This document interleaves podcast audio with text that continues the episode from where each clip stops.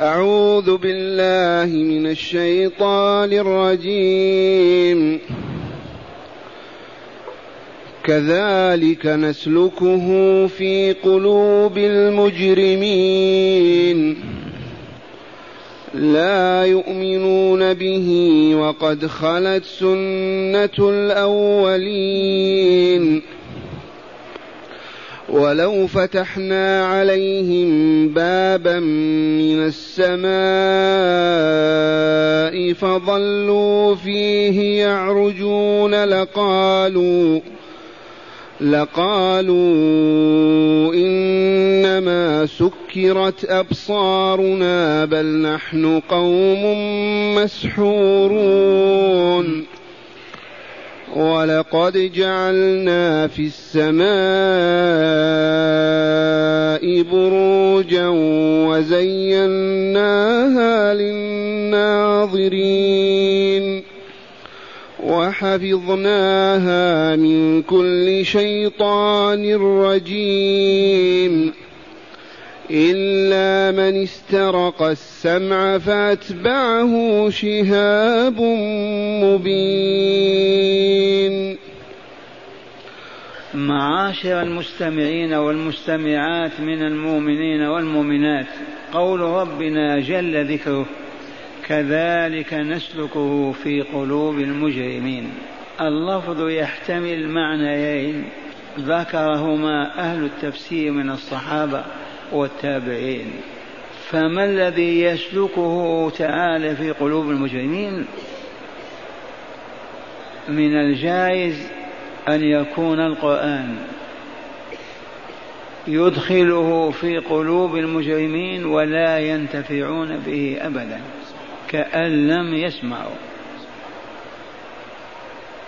يسمعونه يدخل في قلوبهم ويسلك ويسلك الله فيها ثم يخرج ولم ينتفعوا بشيء منه. وذلك لفقدان الاستعداد لقبول الحق بسبب الشرك والحسد والبغي والعناد والظلم والفساد. وجائز أن يسلك الكفر والشرك والعناد والحسد في قلوبهم حسب سنة الله عز وجل فيهم. من أصر على الكفر على الفسق على الفجور على الحسد تمكن ذلك وانخرط في قلبه واختلط به فيصبح أعمى لا يسمع ولا يبصر. والمخبر بهذا الله جل جلاله. قال تعالى كذلك كما سلكناه في الأمم السابقة والآية تقدمت نسلكه اليوم في قلوب المجرمين. وكلا التوجيهين حق إما أن القرآن لا يتخلل, يتخلل قلوبهم ويسلكها ولا ينتفعون به لأنهم أموات ما يعون ولا يسمعون. الوجه الثاني وهو صحيح أن الإجرام والكذب والعناد والمكابرة والشرك هذه العظائم هذه تخللت في قلوبهم وانتظمت بها. ما تخرج. تدعوهم تصيح فيهم تبين لهم تقرأ القرآن ما يستفيدون. هذا الذي أخبر الله تعالى به. ونحن فائدة ذلك أن نطهر قلوبنا من تلك الأنجاس والأرجاس التي تحول بيننا وبين سماع كلام الله وقبول هدايته. فلا حسد ولا ظلم ولا بغي ولا شرك ولا كفر ولكن إيمان واستقامة وحب الخير والعيش على الهدى والمعروف.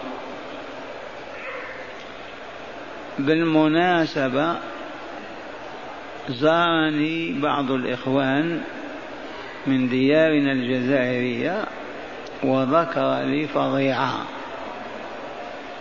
فلا بد وأن نوصي الحاضرين من أبنائه أن يقوموا بواجبهم.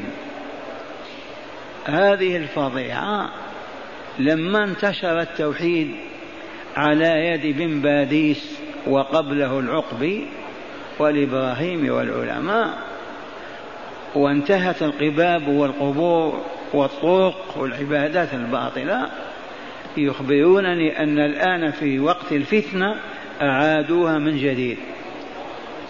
يبنون القباب ويذبحون ويجمعون الفلوس للذبائح على القبور. فأنا اللهم اشهد قد بلغت معشر إخواننا الجزائريين يجب أن لا تستسلموا لهذا الباطل وأن لا تشاركوا فيه أبدا. لا يعبد إلا الله. الذي يذبح لولي يا ليت الولي حيا يأكل ويشرب. نقول أكرم عبدا صالحا. يذبح على قبره خرج من ملة الإسلام. ارتد وكفر وعبد غير الله عز وجل. الذي ينادي ميت يا سيدي فلان المدد أغثني أعطيني زوجتي بها كذا جعله مثل الله أو أعظم واعتقد أنه يسمع كلامه وأنه يعطيه ويمنعه. أي الشرك أكبر من هذا الشرك؟ والله نسأل أن ينزل نقمته على الذين يدعون إلى هذا الباطل ويشجعون عليه. بعدما طهرت البلاد من هذه الأباطيل يريدونها من جديد لأن الفرصة متاحة الفتنة دائرة. ووصيتي لكل مؤمن ومؤمنة أن لا يدعى إلا الله. هذا رسول الله والله الذي لا إله غيره. ما أجاز لك الكتاب ولا السنة ولا أئمة الإسلام ولا علماء الملة أن تقول يا رسول الله المدد أو يا رسول الله أنا في حماك أعطيني كذا وكذا. والله ما يجوز وإنه لشرك. الذي ترفع الأكف إليه ويسأل من هو؟ خالق الكون كله مدبر الحياة رب السماوات والأراضين رب العالمين. الذي نحن بين يديه كالنملة في كفك. يسمعك حيث ناديت ويراك حيث كنت وكيف وهو خالقك ومدبر أمرك. كيف نجعل مخلوق من المخلوقات إلها ندعوه مع الله؟ أو نتقرب إليه ونتزلف إما بالشموع وإلا بالمناديل وإلا بكذا وكذا. كذلك نسلكه أي الشرك والكفر والنفاق والحسد والعناد سنة الله يدخل هذه في القلب لأن صاحبه أراد ذلك ورغب فيه ودافع عنه واعتقده يمتلئ قلبه بذلك. في قلوب من؟ المجرمين. لا المؤمنين لا الصالحين المجرمين الذين أجرموا على أنفسهم فأفسدوها حولوها إلى أنفس شياطين. هؤلاء نعم ينخرط فيهم الكفر والشرك ويلصق بهم لصوقا دائما. أما المؤمنين الموحدين الصالحين المستقيمين فهيهات هيهات. والله يقول كذلك نسلك في قلوب من؟ ما قال بني هاشم ولا قريش ولا فلان ولا فلان في قلوب المجرمين. كل من أجرم على نفسه فصب عليه أطنان الذنوب والآثام فاسودت وتعفنت وما أصبحت روحا صالحا. يطيب له أن يسمع الكفر ويتلذذ به أو يدعو إليه ويحارب من أجله كما يفعل المشركون أو الكافرون. هذا معنى قوله تعالى كذلك نسلكه في قلوب المجرمين وبين ذلك فقال لا يؤمنون به أي بالقرآن أي بالنبوة المحمدية أي بالتوحيد الإلهي أي بالبعث الآخر لا يؤمنون به. وقد خلت مضت سنة الأولين. وقد مضت سنة الله في الأولين.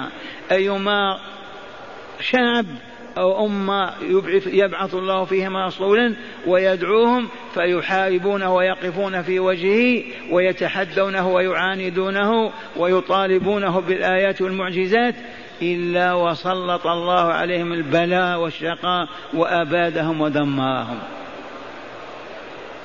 مضت سنة الأولين. إما أن نستقيم وإما أن تنزل بنا البلايا والرزايا والمحن. ولا نذهب بعيدا يا عقلاء يا سادة الناس أما استعمركم الشرق والغرب من بريطانيا إلى فرنسا وأذلوكم وحكموكم. والله لو كان آباؤنا وأجدادنا مستقيمين والله ما كان الله ليسلط عليهم عدوا كافرا يسوسهم. والله ما كان ولن يكون. إنا لننصر رسلنا والذين آمنوا في الحياة الدنيا. ولكن أفسدوا قلوبنا الشرك والكفر والفسق والفجور والخيانة والتلصص والإجرام. لا إله إلا الله. فمن ثم سلط الله علينا بريطانيا فرنسا إيطاليا أسبانيا حتى بلجيكا وإلا هولندا العجوز. هولندا سادت أندونيسيا بكاملها مئة سنة وهم مئة مليون. لعلكم ما فهمتم. يقول تعالى قد خلت سنة الأولين. مضت. أما أباد قوم عاد أمة من أعظم الأمم. أما أهلك قوم ثمود قوم صالح فأبادهم قوم شعيب فرعون. مئة ألف فارس أغرقوا في البحر. مئة ألف فارس على خيولهم أغرقوا في البحر. إذا وإن ربك لبالمرصاد. فالمسلمون الآن كما قلت لكم يتهيئون لنقمة إلهية. والله العظيم. وإني لعلى علم مما أقول. إما أن يتوبوا وإما أن تنزل بهم بلايا ورزايا ما عرفوها.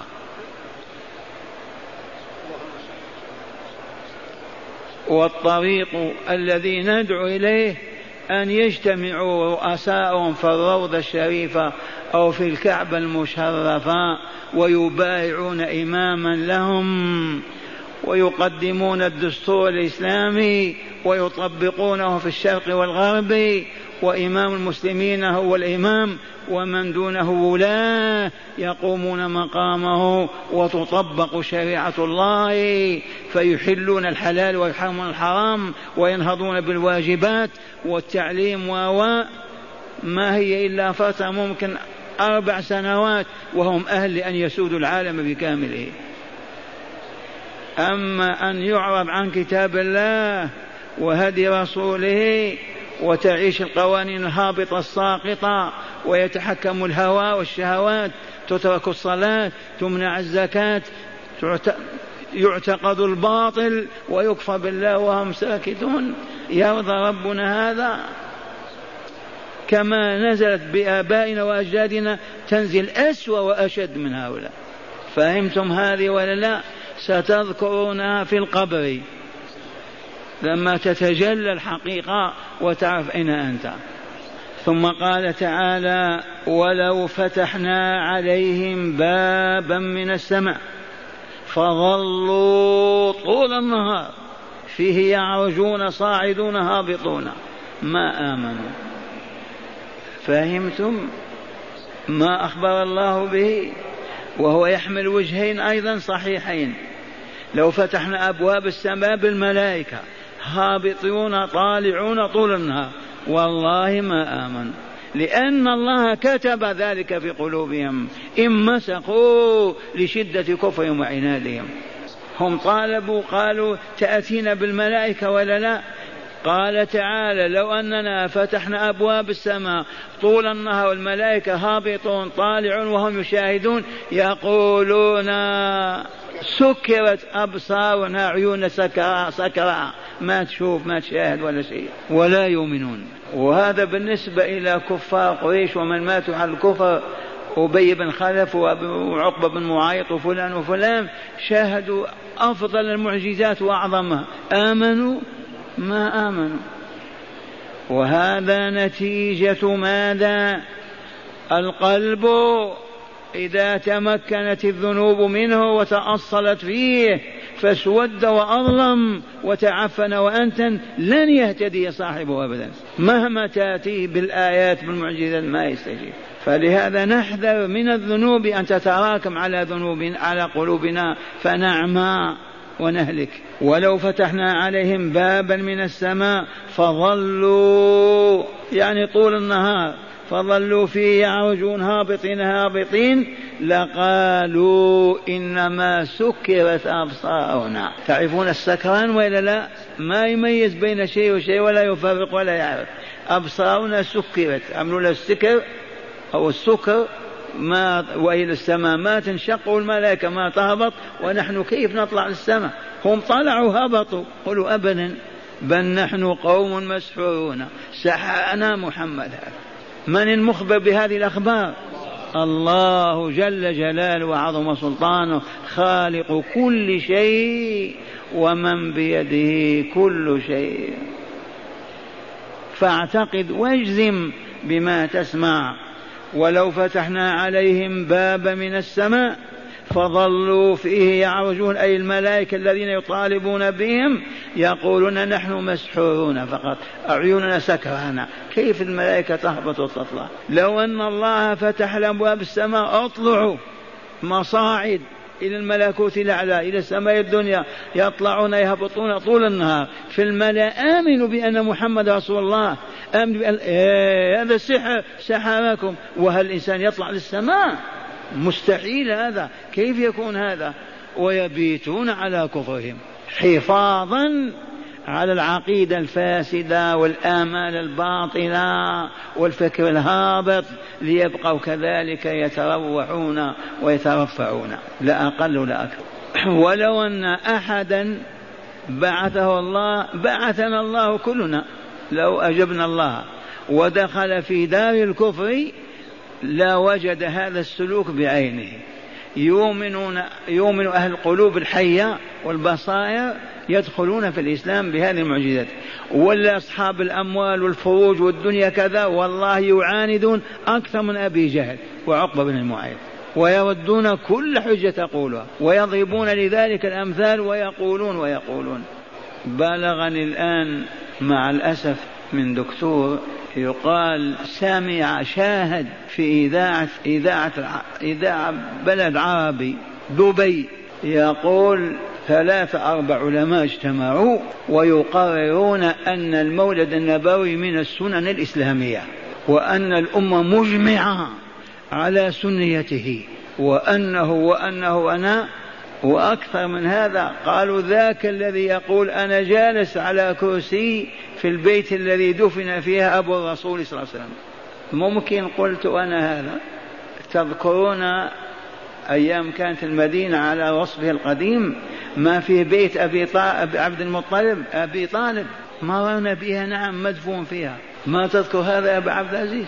سبحان الله. أنتم أحداث يعني؟ هذه ما عندها أربعين سنة ولا ثلاثين سنة. ويأتي الحجاج والزوار ويتجمعون على الباب.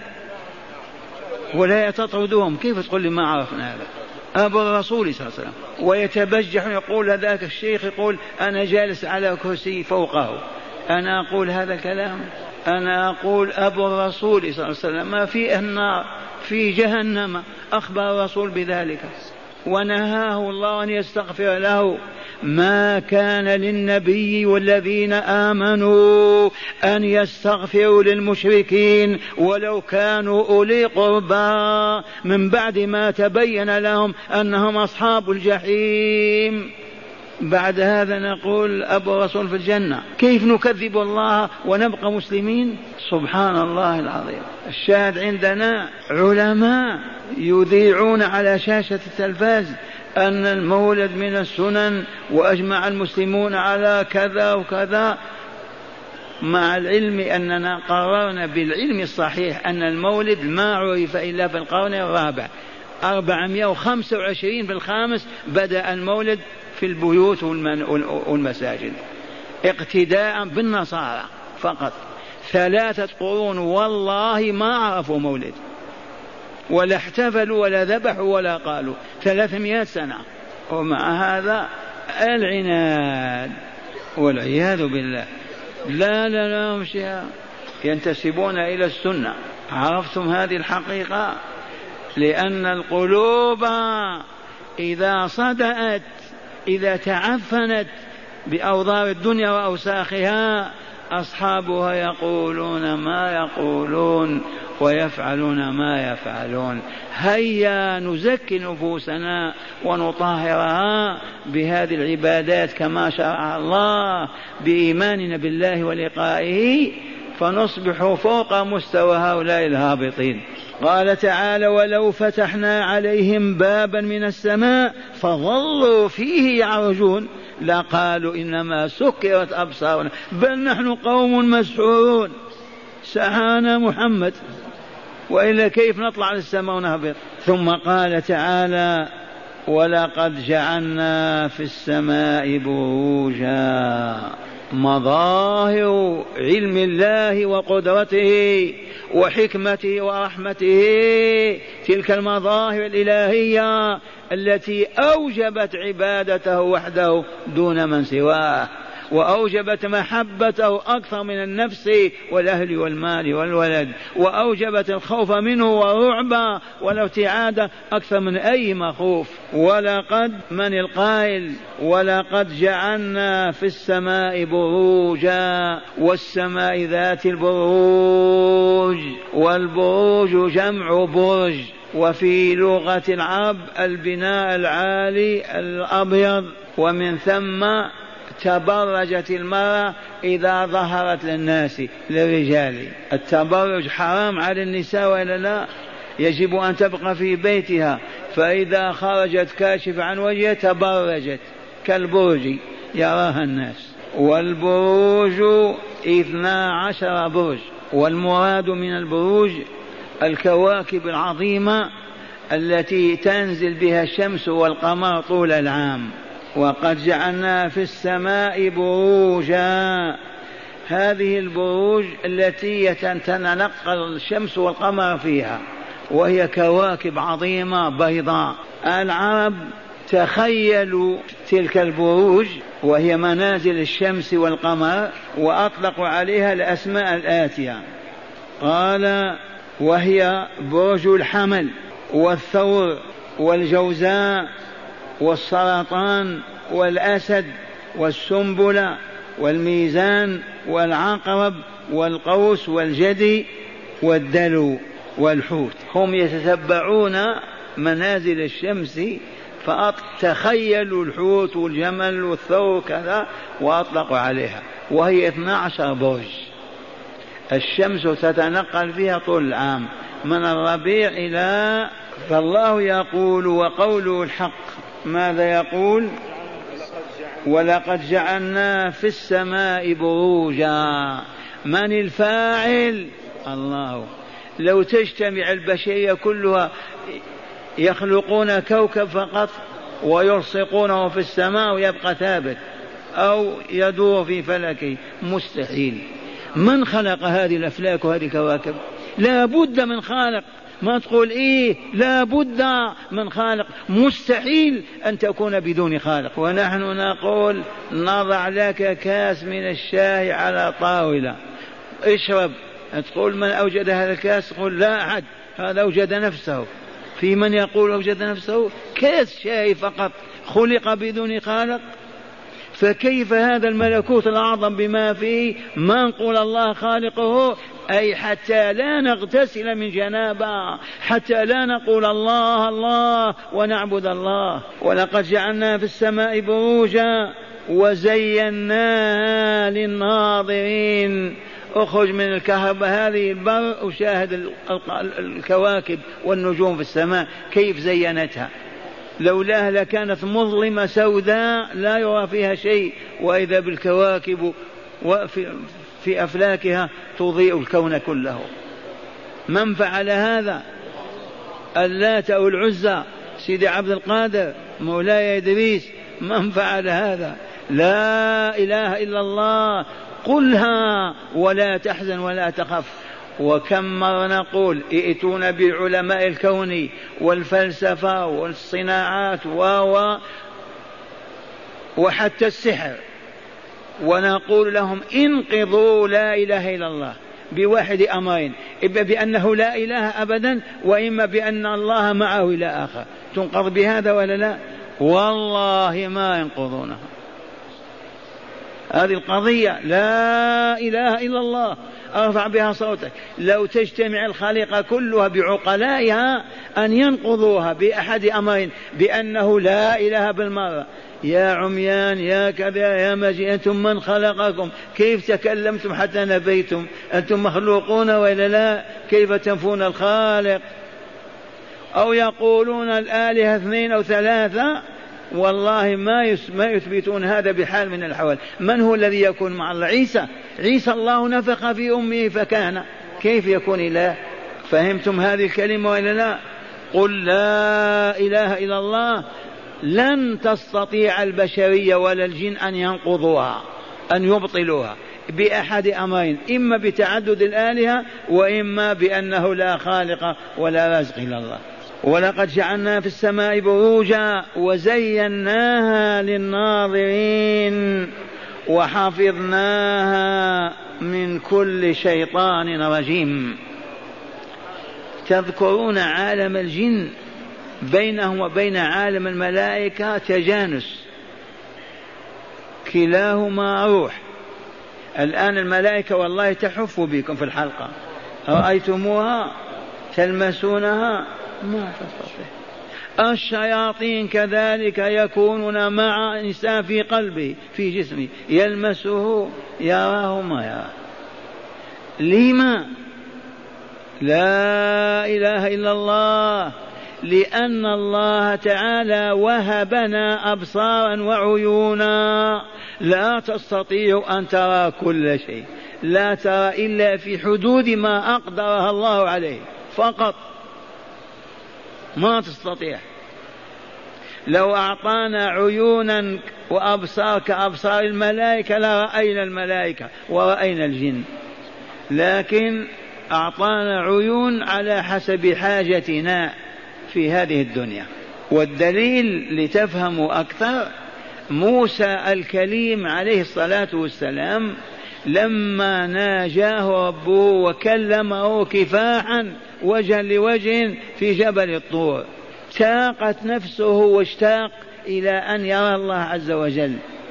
فقال ربي أرني أنظر إليك؟ قال لن تراني. أي ما أنت ما لك القدرة على رؤيتي. أنا أعطيتك بصر لترى هذه المادة في هذه الحياة فقط. ما تستطيع تنظر العالم الآخر. ولكن من باب تطيب نفسه وإقناعه انظر إلى هذا الجبل أمامه. فإن استقر في مكانه فسوف ترى تقدر. وإذا تحلل وتبخر وتلاشى الجبل أعظم من عينيك أنت. وتجلى الجبار للجبل فاندكا فما كان من موسى إلا أن صاعق. صاعق على الأرض. صاعق موسى. أخبر الله بذلك. وأخبرنا الحبيب صلى الله عليه وسلم تعرفون النفخات في البوق التي يعرف بالصور في القرآن الكريم؟ النفخة الأولى نفخة الفناء. إذا نفخ إسرافيل النفخة الأولى ما يبقى حي على وجه الأرض. الفناء. بعد أربعين سنة هل بسنيننا هذه بسنين ما في الملكوت الأعلى؟ الله أعلم. الظاهر من سنين هذه. أربعين سنة ينفخ نفخة البعث. ونكون قد تكونا كما تتكون لا أقول الخردل والبصل في الأرض.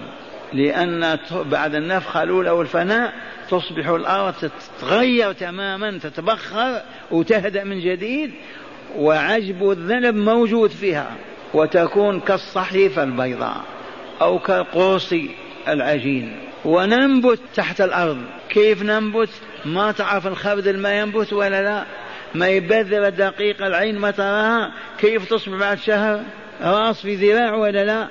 راس البصل كم كيف نما؟ نعم فتنمو أجساد البشر كلهم. فلما يكتمل نموها ينفخ إسرافيل النفخة الثانية فتنزل الأرواح وتدخل في تلك الأجساد ويقومون لله رب العالمين. ونفخ في الصور فإذا هم قي... ونفخ في الصور فإذا هم من الأجداث أي القبور إلى ربهم ينسلون. إلى الله. النفخة الثالثة نفخة الصعق. وهذه انقسم العلماء فيها قسمين.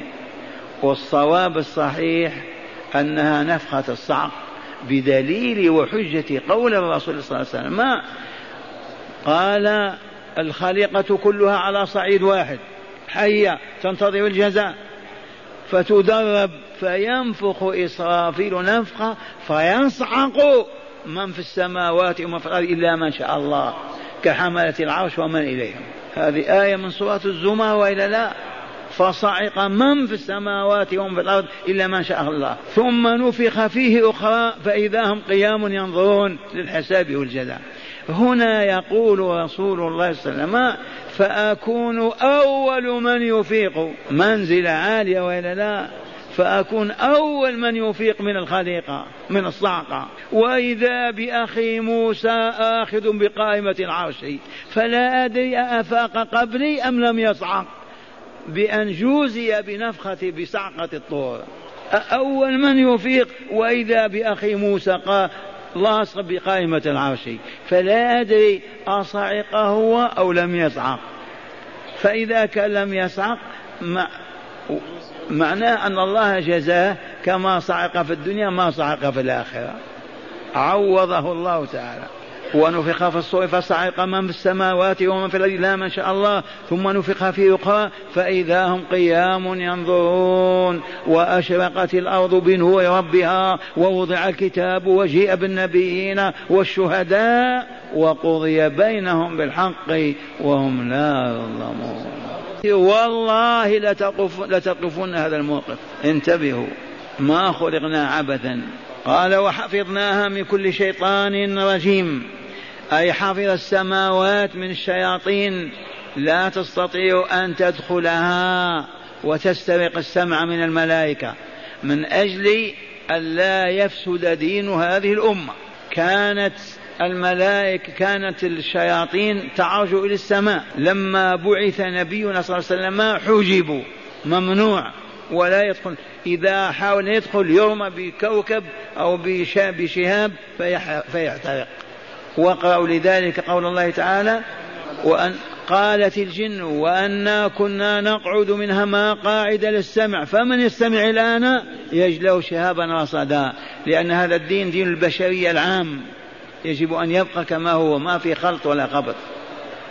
فمن هنا الآن ممكن العفاريت لما يرجم بالشهاب يلقي بكلمة إلى آخر فينقلها إلى الكهان. لكن تسعة وتسعين في المئة كذب إلا كلمة واحدة صادقة. اللهم إلا من استرق السمع فأتبعه شهاب مبين والشهاب من الشهوب النار. قبس يحرقه. ونشاهد هذا في السماء. فأتبع شهاب مبين شهاب ثاقب كما في الصافات.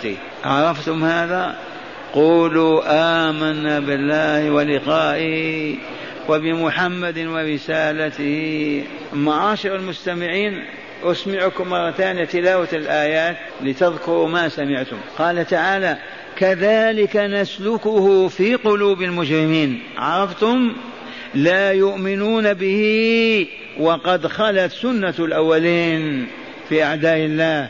ولو فتحنا عليهم بابا من السماء فظلوا فيه يعرجون لقالوا إنما سكرت أبصارنا بل نحن قوم مسحورون ولا يؤمنون. ولقد جعلنا في السماء بروجا وزيناها للناظرين وحفظناها من كل شيطان رجيم إلا من استرق السمع فأتبعه شهاب مبين.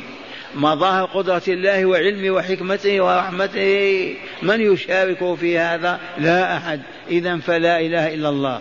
هداية الآيات. أولا بيان سنة الله تعالى في المكذبين المعاندين وهي أنهم لا يؤمنون حتى يروا العذاب الأليم. سنة اليوم بعد اليوم وقبل اليوم. المكذب المعاند ما يؤمن حتى يرى العذاب. ثالثا ثانيا مطالبة المكذبين المجرمين مطالبتهم بالآيات كرؤية الملائكة لا معنى لها إذ القرآن أكبر آية ولم يؤمنوا به. ترى الملك وبعد يغيب يقول ما رأينا؟ ماذا يصنع؟ القرآن قائم موجود في صدورنا وفي كتبنا. من أنزل هذا الكتاب؟ من ادعى أنه هو الذي قاله؟ هل ادعت البشرية شيئا في هذا؟ أكبر آية هذه من الله عز وجل. القرآن الكريم أكبر آية يدل على صدق نبوة الرسول وعلى التوحيد وعلى شريعة الإسلام. إذ هذا الكتاب فيه 114 صورة. من أنزله؟ في من ادعى؟ من قاله؟ في من ادعى قاله؟ وبالأمس قلنا حفظه الله ولو كلمة واحدة ما نقصت منه ولا زيدت فيه. بل ولا حرف. أما يكفي هذا دليل على وجود الله؟ أيوجد كلام بدون متكلم؟ أيوجد علم بدون عالم؟ أتوجد مظاهر رحمة بدون رحيم؟ مستحيل. فلهذا نقول لا إله إلا الله. ثالثا بيان مظاهر قدرة الله تعالى وعلمه وحكمته ورحمته فيما حملت الآيات من مظاهر. لذلك بدأ من قو بدءا من قوله ولقد جعلنا في السماء بروجا إلى الآية السابعة والعشرين من هذا السياق الكريم.